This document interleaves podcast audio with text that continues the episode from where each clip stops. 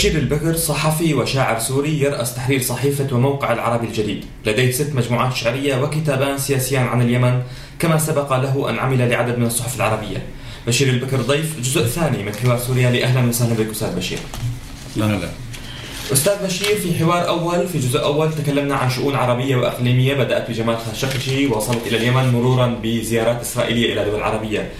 هذا الجزء من الحوار مخصص لسوريا لو سمحت لي وسأبدأ به بالحديث عن القمة الرباعية. سؤال عن القمة الرباعية التي شهدتها أنقرة. قمة جمعت الرئيس التركي رجب طيب أردوغان الرئيس الروسي فلاديمير بوتين المستشارة الألمانية أنجلا ميركل ميركل عفوا والرئيس الفرنسي ماكرون. ما الرسائل من هذه القمة وما الذي كانت تسعى إليه؟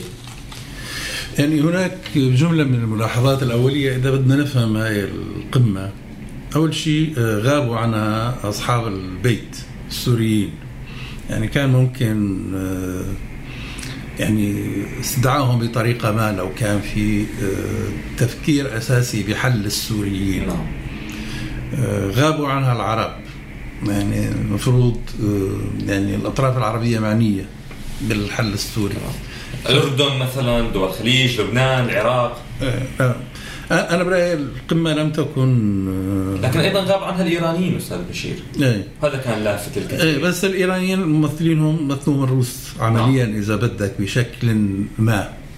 يعني آه وهذا بعتقد كان نوع طلب أمريكي إنه نعم. ما يحضروا الإيرانيين. يعني الفوضات اللي حصلت بين ماكرون وترامب قبل يوم من القمة تشي إلى نوع ما إلى حد ما بأنه الإيرانيين الآن خليهم على جنب بظل الوضع اللي العقوبات الأمريكية. نعم. آه بالتالي هذه القمة آه لم تكن من أجل البحث عن حل الشعب السوري أنا بعتقد بقدر ما هي من أجل التفاهم على مصالح الأطراف اللي شاركت فيها أطراف الأربعة نعم. الأربعة. لذلك إذا أنت شفت هذه الأطراف تحدثت بلهجات مختلفة. يعني بوتين تحدث بلهجة أردوغان تحدث بلهجة ماكرون تحدث بلهجة ميركل تحدث بلهجة. لكن بين إنه في طرفين قويين الطرف التركي والطرف الروسي وفي طرفين ضعيفين هو الطرف الفرنسي وال والألماني. آه الملاحظة المهمة بهذه القمة إنه عنصر النجاح الأساسي فيها إنه اعتبار إدلب هي مختبر. نعم.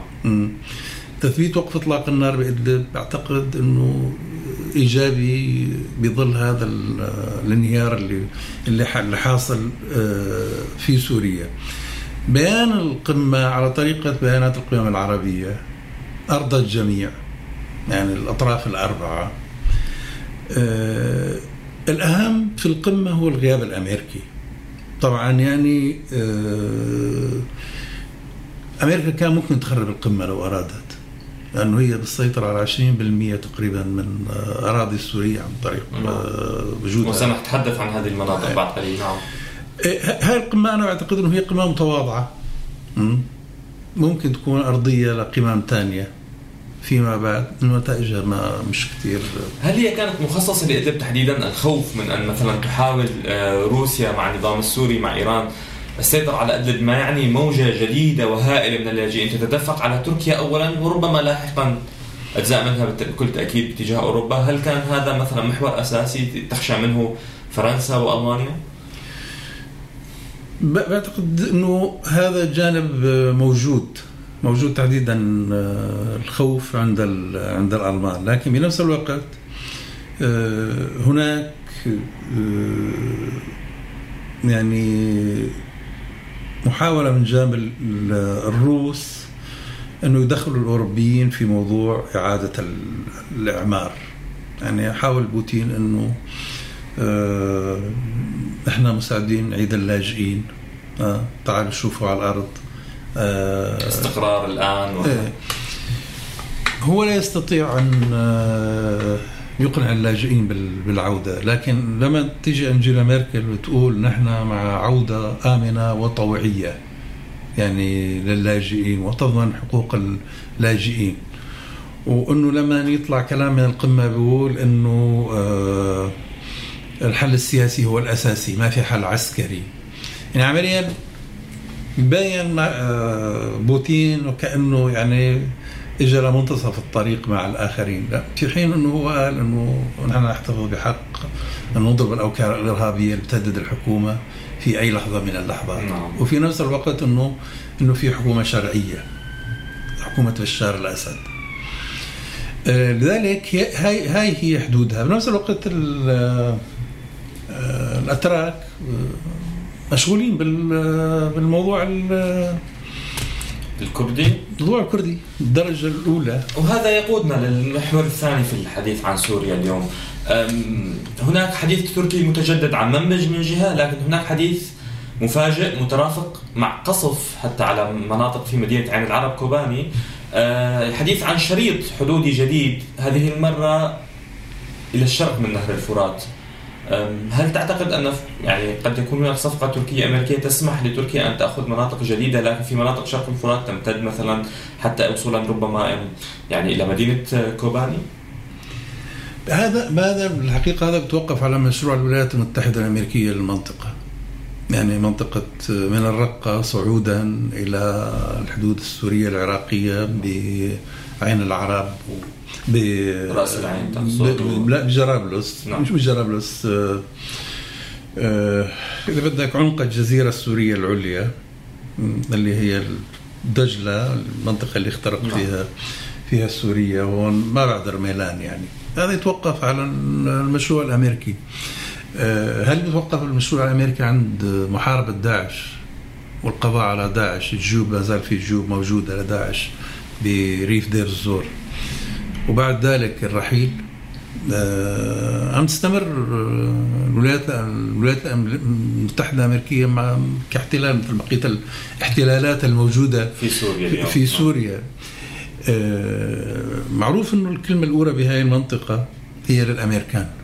يعني رغم وجود آه، على الأرض قوات سوريا الديمقراطية آه، ما يقوم به الأمريكان في هذه المنطقة من بنى تحتية وإعادة تأهيل لمطارات عسكرية وبناء مطارات جديدة وبناء قواعد جديدة لا يوحي بأن الأمريكان راح يرحلوا من هذه المنطقة قريبا. آه، بالتالي إنه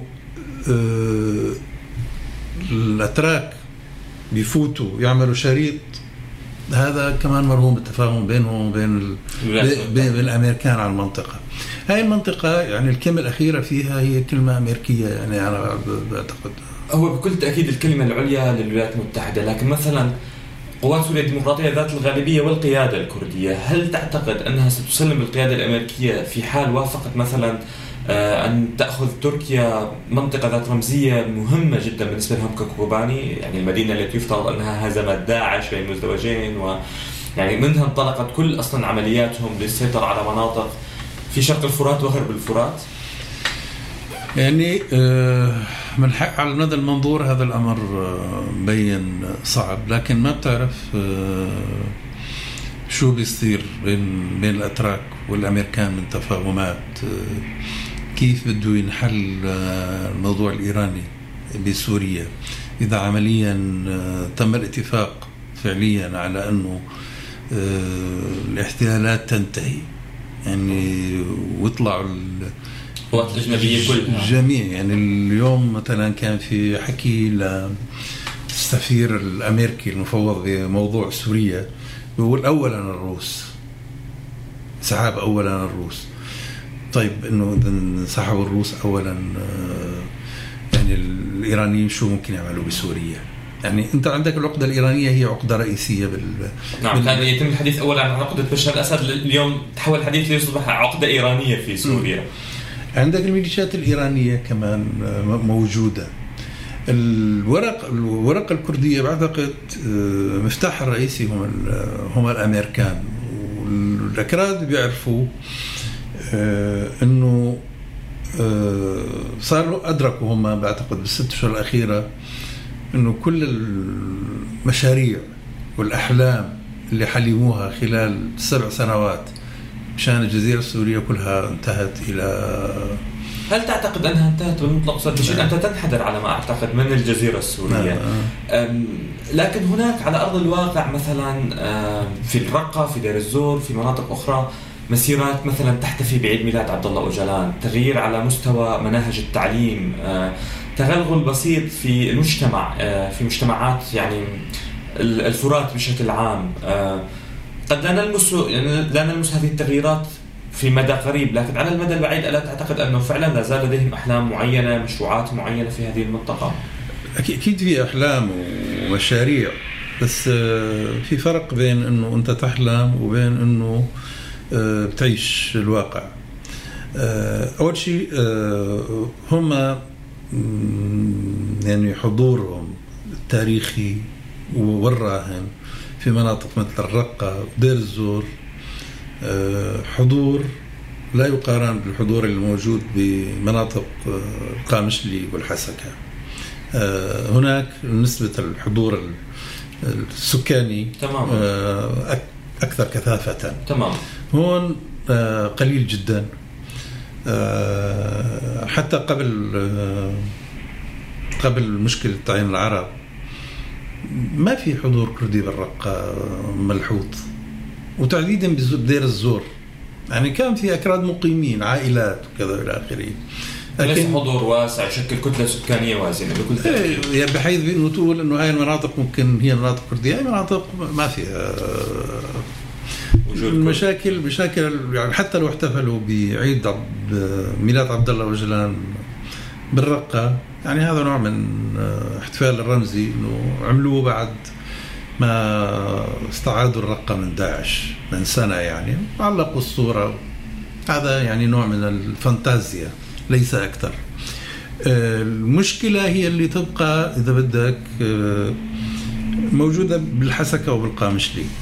وهاي بينت آه، أنه عقدة بالشهرين الأخيرات لأنه هم فاتوا مفاوضات مع النظام. نعم. وراح كذا وفد إلى دمشق. 100% وتحادثوا أكثر من مرة هم طرحوا شيء والنظام رد بشيء آخر. يعني النظام طبعا عنده مشروع لاستعادة المنطقة كاملة. استعادة كل سوريا طبعا. إيه. وهذا غير مستبعد يعني.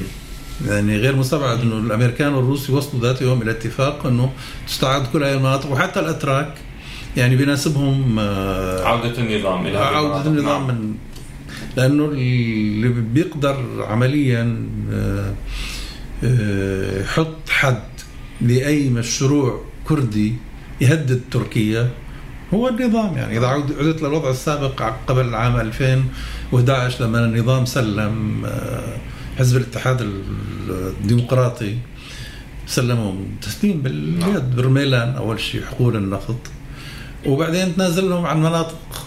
وبالقامشلي بما فيها يعني مناطق يعني تعتبر حتى كان بعفرين ربما هناك نوع من التفاهم أيضا بين الطرفين. بالضبط.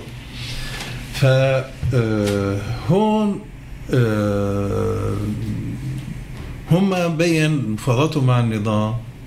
يعني مساعدين يرجعوا إلى نوع من الإدارة الذاتية تحت اشراف النظام.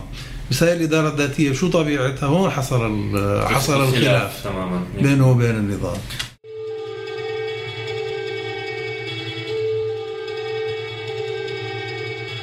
عم تسمعوا حوار سوريالي في مسألة أخرى في شرق سوريا أود أن أسألك عنها أستاذ بشير.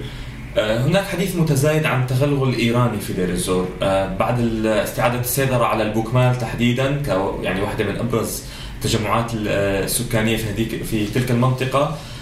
بدأ الحديث عن إرسال طلاب إلى جامعات إيرانية عن إنشاء حسينيات في هذه المنطقة. حتى مؤخرا تحدث المرصد السوري لحقوق الإنسان عن تجنيد متطوعين في الحرس الثوري الإيراني. وهذه أول مرة يتم تجنيد متطوعين سوريين في الحرس الثوري في السابق كان هناك ميليشيات يشرف عليها الحرس الثوري يبدو أن المشروع الإيراني في دير الزور ليس هناك من هو قادر على مواجهته أه، في الوضع السابق أه، قبل 2011 كانت إيران تحاول أن تنتشر أكثر وأكثر في مناطق شرق سوريا وفي مناطق متعددة من سوريا لكن الوضع المجتمعي كان يسمح ربما بمواجهة هذا المشروع. اليوم يبدو أن الطريق ممهد أمام الإيرانيين لهكذا نفوذ. أه لا تصور انه الطريق أه ممهد. يعني أه الإيرانيين حاولوا قبل الثورة السورية يشتغلوا في منطقة الجزيرة السورية. فرقة أنشأوا مثلا مقام عمار بن ياسر وكان مقام ضخم على سبيل المثال. نعم. وفتحوا بالحسكة وريف دير الزور حسينيات كثير واتصلوا بقبائل وعشائر. قالوا لها أنتم قالوا لهم أنتم أصلكم آه، من ال البيت. نعم. يعني آه، وصاروا يلعبوا بأسماء بعض العشائر يحوروها بحيث آه، تلتقي مع معطيات دينية شيعية.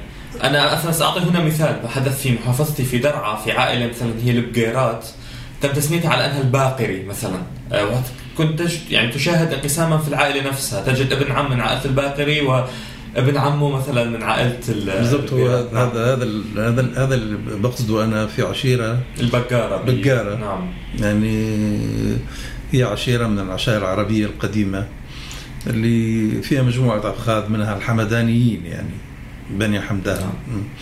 حاولوا يقنعوا بعض زعماء هاي العشيرة إنه أنتم جايين من باقر الصدر. نعم. نعم فبالتالي أنتم شيعة. آه، في السياد من آل البيت. آه، قنعوهم إنه أنتم شيعة أنتم آل البيت يعني. آه، اشتروا بعض ال- الناس ومشيت معهم بعض الناس أكثر بعد ما انسحب النظام من هاي المنطقة وفاتوا هم وشكلوا ميليشيات. دير الزور آه، هم اختاروا منطقة يمكن أكثر منطقة عصية آه، في منطقة الجزيرة. يعني مدينة دير الزور منطقة مدينة هي المدينة آه، القديمة في المنطقة. يعني أقدم من الرقة نعم. ومن الحسكة. دول مدينتين حديثات بنوا في القرن العشرين دير الزور أكثر عراقة. آه أكثر عراقة وأيام الدولة العثمانية كانت يعني ملتقى تجاري في المنطقة وبالتالي المدينة قوية كتير دير الزور. دير ما بيقدروا. بكرة بيطلع النظام الدير ترجع. حتى ريف يعني بيلعبوا بريف الدير. ريف الدير يعني تقول البوكمال والميادين. هاي مناطق عراقية. هذا فضاء سني عراقي. الفضاء السني العراقي المعادي للإيرانيين أكثر من الفضاء السني الموجود بالعراق. موجود في هذه المناطق. هذه المناطق مثلا دفعت ثمن أثناء الحرب العراقية الإيرانية ثمن كبير من قبل النظام السوري لأنه هذه المناطق كانت تفتح على التلفزيون العراقي وكانت ترفع علم العراق صور صدام حسين. المناطق كلها مع كانت مع مع مع النظام العراقي وهي مناطق إذا حسب التقسيم الجغرافي آه، كانت ممكن تروح نعم. مع العراق. يعني هي علاقات العشائرية والاقتصادية والموصل والعائلية. نعم الموصل كان ربما تكون مع سوريا. مع. سوريا.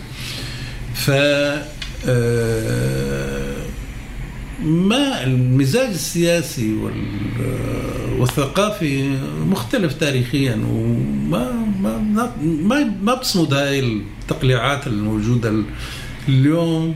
إذا زال الضغط الأمني آه، الموجود حاليا آه، الضغط الامني اللي هو جزء منه جاي من الحشد الشعبي. إنه الآن مثلا آه، قوات سوريا الديمقراطية آه، الأسبوع الماضي وقفت تحارب داعش في هذا الجيب اللي موجود نعم. بريف دير زور. جاي الحشد الشعبي الآن يعني موجودين. إذا زال هذا الضغط كله ضغط الإيراني ضغط النظام ما, الإيرانيين ما ماذا إذا لم يزول مثلا؟ ماذا إذا استمر؟ حتى لو استمر انت اليوم مع الاختراقات اللي مشكلين مشكلينها هم في المنطقة اختراقات ما لا لا يعني آه، لا, لا تستطيع أن تغير في هويه المنطقة. يعني بالتاخير بده يصير عندهم آه، نوع من الميليشيات اللي بيدفعوا لها الايرانيين وتوقع معاهم وكذا والى آخره. لكن الإيراني بده يقوم في المنطقة ما في له مستقبل في في الجزيرة السورية. سؤال أخير أستاذ بشير. أين ترى مستقبل سوريا؟ سؤال هو عام ويعني لكن ربما على المدى القصير أين إلى أين تتجه سوريا؟ إلى إعادة تعويم بشار الأسد حتى عربيا مثلا؟ استعادة النظام السيطرة على معظم المناطق؟ يعني هذا على الأقل الحل ال- المرسوم حاليا. يعني آه، ممكن آه، آه، نوصل تمشي هاي المعادلة اللي حطوها. لجنه دستوريه أعتقد إنه في عندها نصيب كبير إنه يتم الترويج لها. وممكن يرجع بشار الأسد يحكم مرة أخرى. لكن آه، تستطيع بشار الأسد يقود البلد من جديد؟ هذا مستحيل. بهذا السؤال نكون وصلنا لنهاية الحلقة. أشكرك ضيفنا. رئيس تحرير صحيفة العربي الجديد. أستاذ بشير بكر. شكرا جزيلا أستاذ بشير. شكرا لأصدقائنا المستمعين على حسن الاستماع. شكرا شكرا جزيلا.